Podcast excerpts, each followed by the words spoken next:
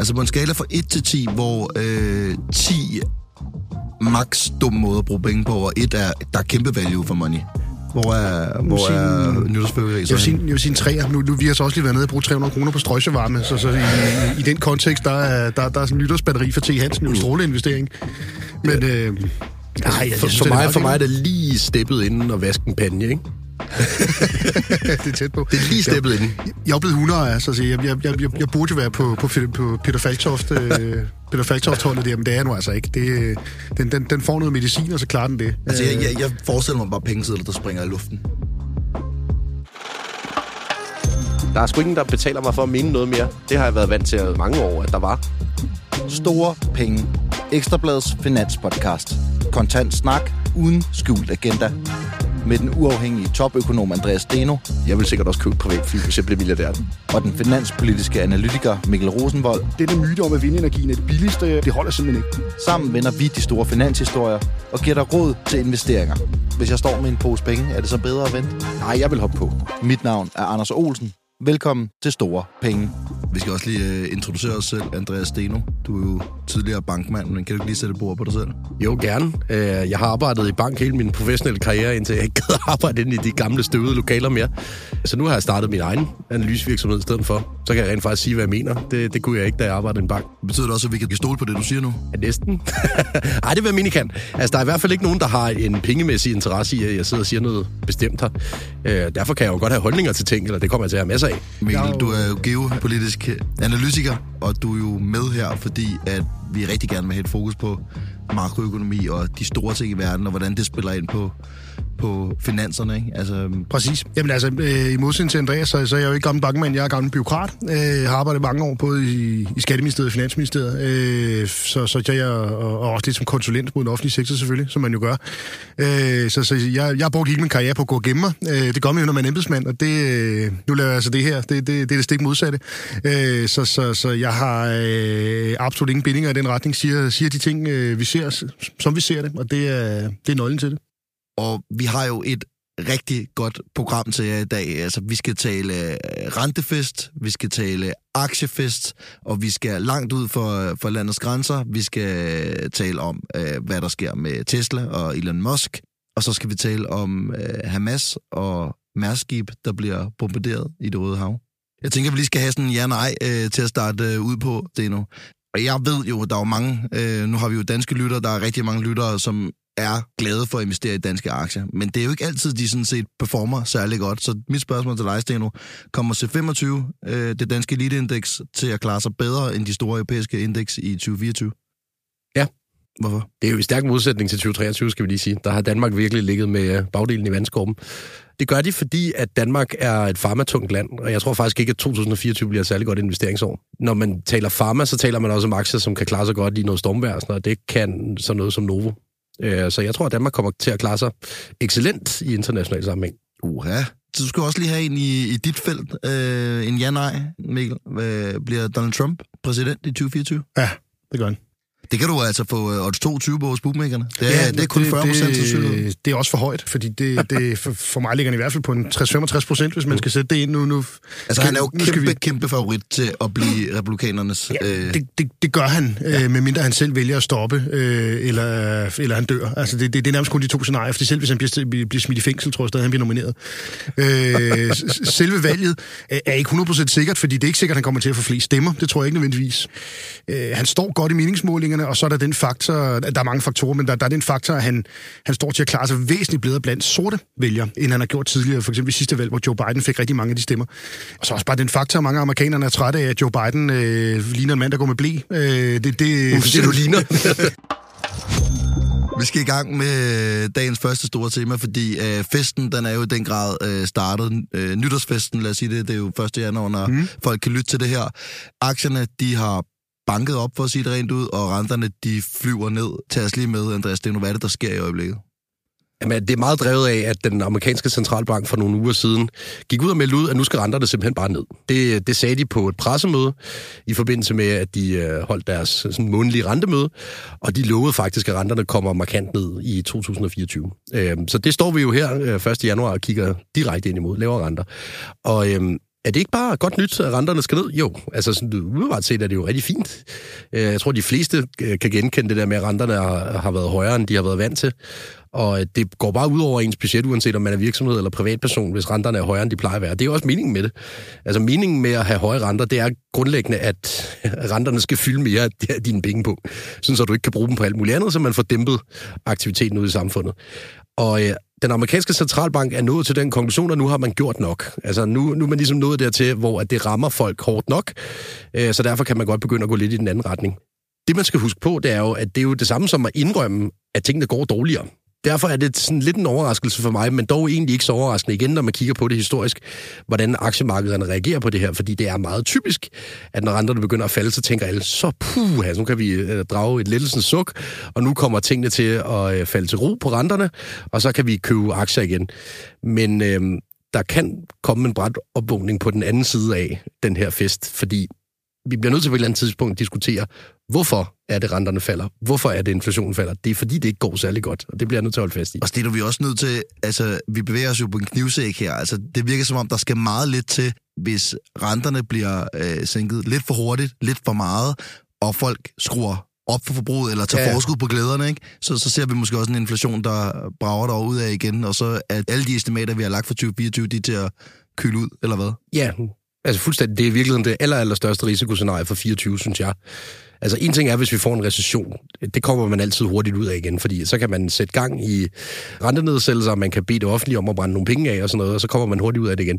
Problemet er, hvis man kommer for hurtigt i gang med at sætte renterne ned, og man øh, på en eller anden måde tager forskud på, øh, på festen, og at priserne begynder at stige helt vildt igen. Man kan i hvert fald konstatere, når man kigger på det historisk, når vi har haft så høj en inflation, som vi har haft de sidste to år, så er det stort set aldrig lykkedes at komme af med den inflation, uden at man kommer til at tænde for den igen. Og jeg tror, det har noget at gøre med den der dynamik med, at mennesker er ufattelig hurtige til at fejre, at inflationen forsvinder. Centralbankcheferne er ufattelig hurtige til at fejre det. Det bliver sgu lidt spændende næste år. Jeg er ikke sikker på, at vi har set det sidste af den her inflation. Nej, også fordi det, det, det her kommer jo i en situation, hvor man stort set over hele jordkloden virkelig har de, de offentlige kasser åbnet på, på hvidgaber og haft det lige siden coronakrisen. Både er der i mange lande, ikke i Danmark, det kan vi komme tilbage til, øh, blevet opbygget en, en ret betydelig statsgæld. Øh, herunder især i USA selvfølgelig, som den helt store spiller på ja. det. Øh, og samtidig er man allerede i gang med at vælte penge ud af de offentlige kasser, så, så, så hvis man pludselig begynder at kigge ind i stigende arbejdsløshedstal, øh, faldende vækstrater osv., kan man så skrue endnu mere op for det offentlige forbrug? Det kan man selvfølgelig godt, ja. men så begynder man også at ramme nogle gældsniveauer, der, der, der begynder at lukke lidt af noget, vi så for 15 år siden. Øh, I mange lande. Ikke i Danmark, skal vi sige. Danmark er en helt, helt yder, ydercase for det, der indgår, men, men, men vi hører jo også for eksempel fra Kina, at man begynder at, at, at kigge på, hvordan man kan skubbe gang i forbruget øh, fra, fra de offentlige kasser det er en speciel situation, og det bliver rigtig, rigtig spændende at følge i 24. Mm. Men Steno, hvor efterlader det her også som investorer? Altså, hvad de her scenarier, der er, det virker faktisk lige nu på alle økonomer som om, der kun er et scenarie, og det er, at renten falder steady. Yes. Øh, vi ryger et procentpoint ned i løbet af 2024, og yderligere et, mas minus, øh, ja. i 2025. Men der er jo mange scenarier, og, og hvad gør man? Fordi hvis, der, hvis det hele stod skrevet i granit, så var det jo nemt at være investor. Øh, det er det jo bestemt ikke. Så, så hvad gør vi med vores penge øh, nu her fra begyndelsen af 2024? Altså lige nu, der er jeg fuld skrue med på den her fest. Okay. Øh, og øh, det betyder, at jeg tager øh, risiko i aktier, som er meget risikable. Og med det mener jeg øh, typisk virksomheder, som er nye, er måske i gang med at undersøge et, et nyt produkt, hvis vi taler inden for farmavirksomheder, eller virksomheder, som er i gang med at udvikle noget nyt software. Altså virkelig helt spæde virksomheder, som, øh, fordi det er det, jeg tror, de bedste afkast er her kortsigtet. Mm. Øh, jeg er også relativt kortsigtet min tankegang også øh, generelt. Jeg har sådan lidt, jeg, jeg er egentlig lidt ligesom markedet, sådan en guldfisk, der bare høvler rundt i bowlen, og, øh, og så prøver at følge med strømmen, fordi det, det er jo i virkeligheden der, man, i hvert fald hvis man er kortsigtet, man tjener de bedste penge. Ikke? Men jeg er ikke sikker på, at den her øh, fest, den bliver ved i løbet af året. Øh, jeg er måske den holdning, at det kommer til at æbbe ud på et eller andet tidspunkt i løbet af første kvartal allerede. Og det er noget, du, man så skal være meget opmærksom på, hvornår den her fest den slutter i forhold til... Der er mange, der siger, at det er jo ikke så vigtigt. Det, det der med at slå markedet og time markedet, det er ja. næsten umuligt. Det handler bare om at være i markedet. Men det lyder næsten på dig som om, at, at man skal hive pengene til sig på et eller andet tidspunkt. Ja, men det kommer, det kommer lidt an på, hvad for en appetit man har. Men ja, altså hvis man er sådan en som mig, så øh, er det jo med at hoppe på toget, mens det kører stærkt, og så prøve at springe af, inden det gør alt for nas at springe af det. Ikke? Og altså lige nu, så kører toget så stærkt, at jeg synes, det er super fedt at sidde ombord. Men øh, jeg vil være overrasket, hvis vi kan sidde og have sådan en stemning her resten af året i podcasten her. Jeg skal nok fortælle, hvornår jeg springer af, og så kan det selvfølgelig være, at det viser sig at være forkert timing. Så du har ret i det der med, hvis ikke man er sådan en, der har lyst til at sidde og følge det dag ud af dagen, så er det ikke sikkert, at det er smart at prøve at time alle de der ting der. Og hvis du ikke sover trygt om natten, hvis det ja, går dårligt, så er det måske en dum idé. Præcis. Hvis vi lige skal tage det der med at sove om natten, fordi det der i virkeligheden er det største, største risiko her, ikke? Nu er alle blevet enige om, at renterne skal ned. Det betyder også, at priserne på obligationer, for eksempel for boligejere, allerede har ændret sig markant. Så kursen på obligationer er steget, renterne er faldet. Og det betyder jo, at der faktisk er taget forskud på, at centralbankerne sætter renten ned. Det sker allerede på det tidspunkt, at tingene begynder at blive meldt ud, også inden renten reelt bliver sat ned. Pointen her er, at hvis inflationen kommer tilbage øh, så kan det godt være, at vi skal til at diskutere de ting, vi diskuterede i 21 og 22, sådan noget med, at øh, boligrenterne begynder at brage op igen. Så jeg, jeg har det sådan, at man skal udnytte det vindue, der opstår nu her, mm. til at sikre sig noget lang finansiering. Så for at låse en 30-årig rente ind og sådan noget. Det vil jeg i hvert fald gøre. Så tænker jeg, at vi skal til øh, ugens øh, konkurs, og det er jo konkurs i sådan lidt øh, overført betydning. Jeg tænker lige for sådan at introducere, hvad vi mener med en konkurs. Det er jo et, det er jo et møgfald, det er jo en losing. Så kunne jeg godt lige tænke mig at, at spille et, et klip, jeg stødte på her for et par uger siden. Det var faktisk dig, der sendte det. Det skal være, alt, ret skal være retstener. Du var øh, ved at falde på røven over det her. Øh, det er jo fra Dennis, Dennis, det med Z, Dennis og et N. Gulsen øh, på Instagram. Han støder på en øh, bilist i en anden vejbane, som er mildt sagt øh, utilfreds. Lad os lige prøve at høre det. Hvad er du gang i? Hvad er du gang i? Du er stjernepsykopat, er du? Kan du ikke se, der kommer en sammenflætning? Hvor har du taget din kørekort hen? Hvad? Det er med at se at grine din slotvalg. det er virkelig god retorik. Ordet er dit, Stino. Altså, øh, kludet her er jo ordet snotvalp. Jeg tror, de fleste, i, der arbejder i banker, synes, jeg er en snotvalp. Og det, det kan man så mene om, hvad man vil, men øh, det, det, det er i hvert fald et ord, jeg er blevet kaldt på opgang. øh, point, pointen her er, at der er simpelthen så mange snotvalpe, der er gået i gang med at lave finansielle analyser på Instagram, TikTok og jeg ved ikke hvad. Øh, og det er især et fænomen, der er opstået vil jeg sige, fra 2020 og frem efter, hvor at der opstod den her logik om, at vi kunne alle sammen bare sidde hjemme, og der var ikke nogen, der behøvede at arbejde, og man kunne bare sidde og daytrade, og så skulle alt nok blive godt. Og det er der virkelig nogle snotvalpe, der har kapitaliseret på alle mulige kurser og øh, investeringsstrategier, som har nul gang på jord. Ugens konkurs skal gå til hele det der segment af TikTok, Instagram, finansielle eksperter, som øh, hverken har baggrunden til at udtale sig om det, eller i øvrigt har noget øh, sådan beviselig track record, der gør, at de kan påstå alt, hvad de påstår. Øh, det er i sandhed nogle snotvalpe. Det, der undrer mig i forhold til det der, det er, at det virker, altså der vil jo ikke være så mange, hvis ikke der var et marked for det. Der må være, Jamen, det, der må tror, være folk, der hopper i. Der er mange penge i det der. Jeg synes, øh, men det lugter bare af nogen, der trækker noget ud af røven. Ja, men det er der formentlig også mange af dem, der gør. I hvert fald igennem de sidste tre år, der er der opstået den der idé om, at man ikke behøver at lave noget. Altså, at der er gratis penge at hente derude. Den er ved at gå lidt fløjten, efter at øh, renterne kommer op og alt det der. Øhm, men der er virkelig mange, der har kapitaliseret på det der moment, som opstod. Øhm, og i øvrigt er det en ting, som øh, jeg har kunne genkende på tværs af det finansielle landskab, at folk fuldstændig tabte sulten, da der ikke var nogen øh, inde på de gratis penge der under pandemien. Altså, jeg blev også selv en dårlig investor af det. Det var der mange, der gjorde. En god indikator på det, enten er det nogen, der, der, der begynder at sidde nede for Dubai og fortæller, hvad du skal handle, e, e, eller også er det, at folk, øh, der, der i 2019 og 2020 tjener kæmpe store penge på Tesla-aktier, pludselig begynder at sælge kurser øh, ja, ja. Øh, omkring, hvordan du laver de afkast. Og så ser du gerne et eller andet, et, et eller andet udslidt over den her seks måneders periode. Er det virkelig gået godt for dem? Men, men du ser jo ikke hele perioden efterfølgende. Altså, det, det, det er lidt karikeret, men, men jeg synes ofte, det, det er det der, man ser. Og generelt skal man være meget varsom med de der kurser, der, der lover dig. Du, bare, du får bare lige en sms med, hvad du skal ind og handle, og så gør du det, og så tjener du ja. 600 procent om måneden og sådan noget så nemt er det sgu ikke. Og dermed også øh, fortalt, hvis øh, lytterne ikke har fanget det, der er jo ikke tale om en reel konkurs, vi taler lidt om sådan moralske øh, konkurser, ja, øh, pers- personlige forlitterklæringer. Ja. Øh, hvor skal vi hen øh, hos dig, Mikkel? Hvem skal have et møgfald? Det skal en... Øh, øh, en rigtig moralsk konkurs, nemlig Dmitri Medvedev, forhåndværende præsident og premierminister i Rusland, som nu har en eller anden sådan lidt udefinerbar rolle øh, omkring den russiske regering. Øh, der er mange, der mener, at han er lidt på tålt ophold og, og øh, bare sidder og safter vodka hver, hver eneste dag, mens han bliver holdt i form for husarrest. I hvert fald øh, sidste år var han meget, meget stor på, på, på X lige pludselig. Og for meget præcist et år siden, lige en nytår, ved indgang til 2023, der kom han med 10 forudsigelser for året, der kommer. Og nu prøver jeg lige at løbe dem, løbe dem lynhurtigt igennem. Den første er, øh, han er jo altså fra Rusland, som er meget stor olieproducent, og han siger, øh, olieprisen vil, vil, vil stige til 150 dollars øh, per tønde. Den har vel maksimalt været op i nærheden af været øh, nogle af 80-90. Ja, ja, den har været over 90. Over 90, ja. Øh, men i hvert fald ikke 150. Øh, det var den ene forudsigelse, den gik ikke. Den anden forudsigelse, øh, Storbritannien øh, øh, genindtræder i EU. Det er heller ikke rigtig sket. Efter øh, at Storbritannien er gået med i EU igen, så vil EU kollapse. Øh, euro- euroen vil kollapse. Det er heller ikke rigtig sket, må vi sige. Polen og Ungarn vil gennemføre en militær besættelse af det vestlige Ukraine. Det, det, det er heller ikke rigtig sket. Så det er jo 0 ud af 4.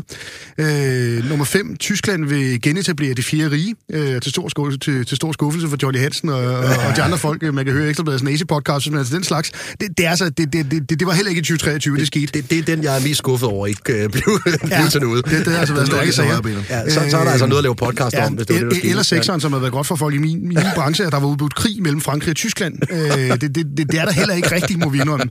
Øh, Nordjylland vil øh, løsrive sig fra Storbritannien. Det har de heller ikke rigtig gjort. Der er udbudt borgerkrig i USA. Øh, det kan man til nød måske godt sige, der har været. Der, der har været, været gang i den på, på mange fronter over, men det stedet borgerkrig er lidt meget øh, sagt.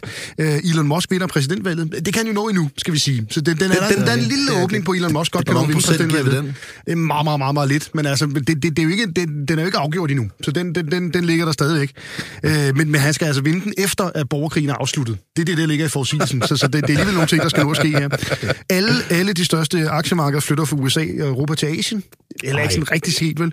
Øh, og hele Bretton Woods-systemet, øh, altså hele, hele, hele det, det, det vestlige pengesystem bryder sammen, og euroen og dollaren øh, øh, stopper global cirkulation. Det er heller ikke sådan rigtig sket. De var, stadig, de var sgu stadig meget glade for dollar, da jeg var i Thailand her i december måned. Men, øh, jeg tror, at den vigtigste konklusion på baggrund af de der 10 forudsigelser for Medvedev, det er, at man skal huske at lave sine forudsigelser, inden man drikker. Ja.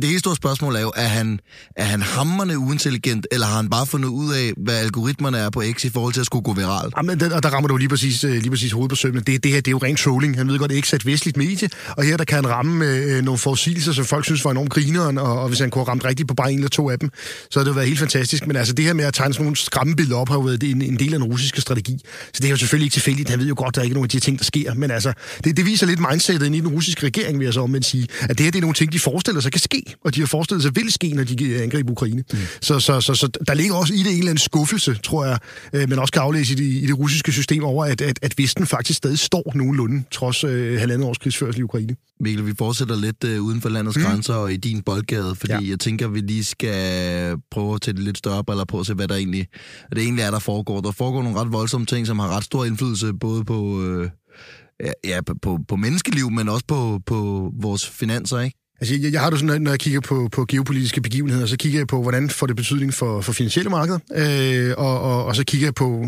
mm, hvornår slutter det, og hvordan slutter det.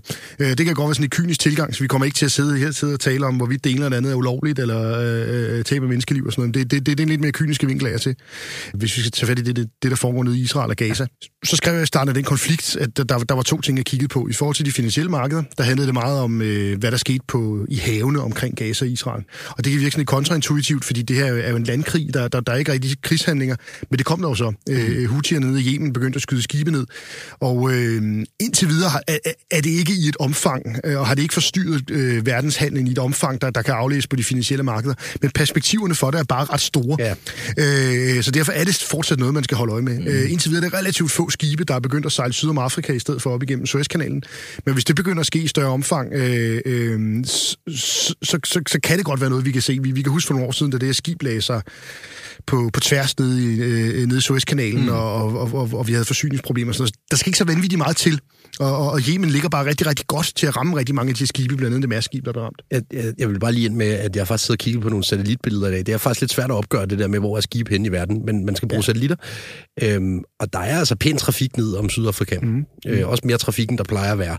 Så noget er der sket. Øh, vi ved blandt andet Mærsk tog først en beslutning om slet ikke at sejle igennem øh, området omkring Yemen, for derefter at genoptage det delvist. Det, det, man skal huske om den her konflikt, sådan helt kort fortalt, altså, det er lidt det, man i international politik kalder Tom og Jerry-fænomenet.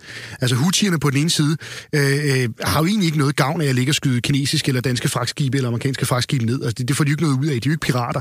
Øh, men de gør det, fordi at det er deres måde at bekæmpe Israel på. Fordi det eneste, øh, Yemen er et borgerkrigshavet land, det eneste befolkningen i Yemen kan blive enige om, det er, at israelerne er nogle hunde. Øh, så, så den, den gruppe øh, nede i Yemen, som jo ligger ret langt væk fra Israel, der gør noget ved Israel, har en kæmpe fordel internt i rekruttering og, og ståstærkt internt. Så det her det er ren indrigspolitik for Houthierne. Når, når, når, hvad skal man sige, når deres handlinger lige fra medfører USA sender krigsskib derned, det giver jo en eller anden status. Altså, det er for, for amerikanerne omvendt, at det her super. Fordi amerikanerne, øh, for det første slås de med, med, med en ret overkommelig gruppe. Det er ikke noget, der kommer til at koste ret mange amerikanske menneskeliv, det her. Og amerikanerne får lov at bruge deres allerstørste militære muskel, som er floden. Og de får lov at bruge den på en måde, så alle ligesom kan se helt tydeligt, at hvis der bliver fucket med verdenshandlen, så ringer du til USA. Du ringer ikke til Kina. Og det er kinesernes store problem i det her. At det her det demonstrerer, at det stadig er amerikanerne, der garanterer verdenshandlen og, og, og, og den, den, ja, helt den internationale handel. Og det, det, det har potentielt rigtig stor symbolsk øh, effekt rundt omkring, og det er noget, amerikanerne godt og over.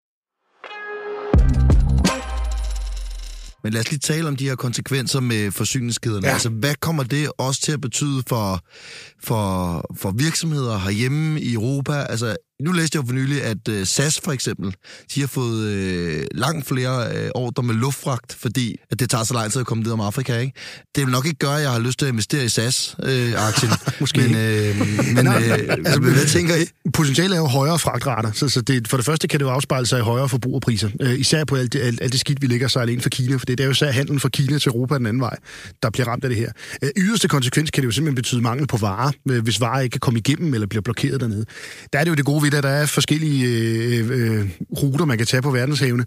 Øh, så, så, varerne skal nu nok komme igennem, men, men, men det kan sagtens betyde øget fragtret og dermed øget priser for forbrugerne i sidste ende. Jeg vil sige, man kan allerede delvist aflæse det. Mm. Der er højere fragtrater, ikke sådan katastrofalt højere, men højere. Mm. Øhm, og der er tegn på, at verdenshandlen bliver forstyrret af det her. Igen, ikke katastrofalt tegn, men det går den forkerte vej. Det, jeg gerne vil have dit take på, Mikkel, i den her sammenhæng, det er jo, altså vi taler over om et område, der er rigtig, rigtig olietungt her, ikke? Øh, og det kan godt være, at den der, det der sving rundt om Yemen, hvor man har Djibouti på den anden side over på Afrikas kyst, ikke umiddelbart er der, hvor der er mest olie, men hvis man kigger en lille smule til højre på landkortet over mod Hormuzstrædet, som det vil hedder på dansk, så bliver der sejlet ufattelige mængder olie ud der. Øh, og Houthierne og iranerne er vel nogenlunde enige om linjen her med at fuck verdenshandlen op, virker det til, ikke? Hvis man først begynder at skyde på oliefragten derfra, så kunne jeg godt frygte konsekvenser. For så er det sådan 1970'er scenarie, vi er ude i lige pludselig. Ikke? Fuldstændig, fordi ja. altså, hver eneste gang Houthierne sender en drone eller en missil ud på et eller andet skib, så, så, så, så, så er det, så er det en, en, drone eller en missil, der kommer fra Iran. Ja. Øh, næsten en til en. Så det er jo egentlig bare et spørgsmål, om iranerne på et tidspunkt kunne tage en beslutning om, at i stedet for at sætte Houthierne til at skyde de missiler af, jamen, så gør vi det bare selv. Ja. Øh, for det vil have endnu større effekt på verdenshandlen. Det vil så også betyde, at så vil konsekvenserne ramme dem selv, og så vil spotlight komme på dem selv. Det er jo det, der er det rare ved at kunne bruge sådan nogle gangster øh, øh i Yemen til det. Så det kan sagtens også blive konsekvensen selv, hvis der kommer en våbenhvile dernede, fordi den våbenhvile kommer, som det ser ud lige nu, ikke til at involvere Iran. Det er ikke Iran, man prøver at få med til forhandlingsbordet, fordi amerikanerne ikke rigtig gider have dem med. Iranerne står, står, står i en svær position og har, øh, har en eller anden form for interesse i at spille sådan en øh, spilfordærberrolle. Også fordi de ikke handler så meget sammen med Europa. De handler mere østpå. Spilfordærber. Det er et dejligt udtryk. Jeg har aldrig hørt om. Husk, hvad sagde du? Ja, hvad sagde du, ja? Det er sådan en Rikker Møller Nielsen udtryk måske. Ja. Øh, nej, men det handler jo bare om en, en der ødelægger modstanderens spil, kan man sige. Øh, øh, altså så, så, sådan en ren destroyer-rolle, eller hvad man skal sige. Det, det er måske sådan en gammel fodboldudtryk, det ved jeg ikke, det er 90'er. Nå, anyway, øh, iranerne sælger jo primært øh, varer østpå til Kina, mm. øh, så, så, så, så for iranerne går det ikke så meget, at handlen til Europa er, er afbrudt, men de har jo heller ikke lyst til at få den amerikanske flåde i nakken. Jeg skal lige høre dig, Steno, for det ene ting er, hvis vi lige skal gøre det lidt nært igen, mm. altså en ting er, at vi har hjemme risikerer at opleve højere forbrugerpriser, men sådan som jeg generelt oplever det, når de her ting sker, det er, der er næsten altid nogen, der lukrerer på det. Så hvilke virksomheder øger deres marken, når sådan noget her sker? At jeg tror faktisk ikke, det er så dårligt et øh, bet at tage nogle virksomheder, som er inden for shipping på.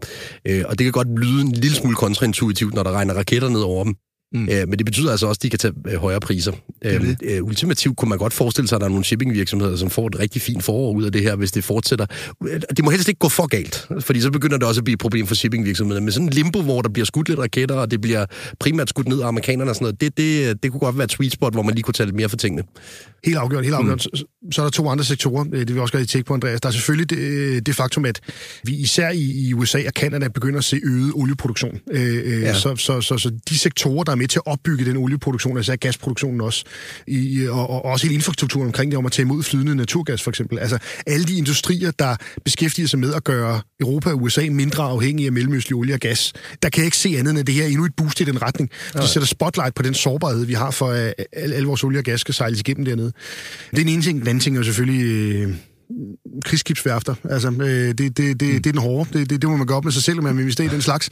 Men der er ingen tvivl om, at øh, især hvis amerikanerne ender med at smide nogle Tomahawk-missiler i hovedet på, på jemenitterne, det kan aflæses direkte i Lockheed Martin og hvem der ellers laver de her. Så det, øh, det, det skal være op til folk selv, om man vil investere i den slags. Men altså, det har i hvert fald også været trenden de sidste par år siden, siden invasionen af Ukraine, ja. at øh, øh, våbenindustrien har det relativt godt. Jeg, jeg ejer jo selv den, der hedder Rheinmetall. Ja, og det gør, Rheinmetall. jeg, det gør jeg udelukkende på grund af navnet, simpelthen. Ja, Fantastisk. Ja, det har været en god investering. ja det, har været, det, det har været rigtig fint, siden at det gik i gang med at skyde lidt på hinanden der. Ja. Øhm, betragtet som sådan en katastrofeforsikring i din portefølje, ikke? Jo. Øhm, fordi det er jo ikke sådan en, man sidder jo ikke rigtig og jubler, når den stiger, vel? Nej. Øh, fordi det gør den trods alt, alt, årsager. ja. Altså, øh, ja. Nå, vi skal til at afrunde, øh, og jeg tænker, øh, det jeg egentlig godt kunne tænke mig, at det her, øh, den her podcast, den skulle slutte af med, det er, at vi tager fat i nogle af de spørgsmål, som lytterne de sidder og brænder inde med. Gerne helt konkrete aktieinvesteringsspørgsmål. Nu er det jo program 1, det er den 1. januar, når det her program det er ude i æderen. Så jeg tænker, jeg vil lægge for. Ja, gør det. Øhm, og mit spørgsmål til jer skal være, efter et redselsår for Tesla i 2022, så har den, så den jo steget over 140 procent øh, i 2023.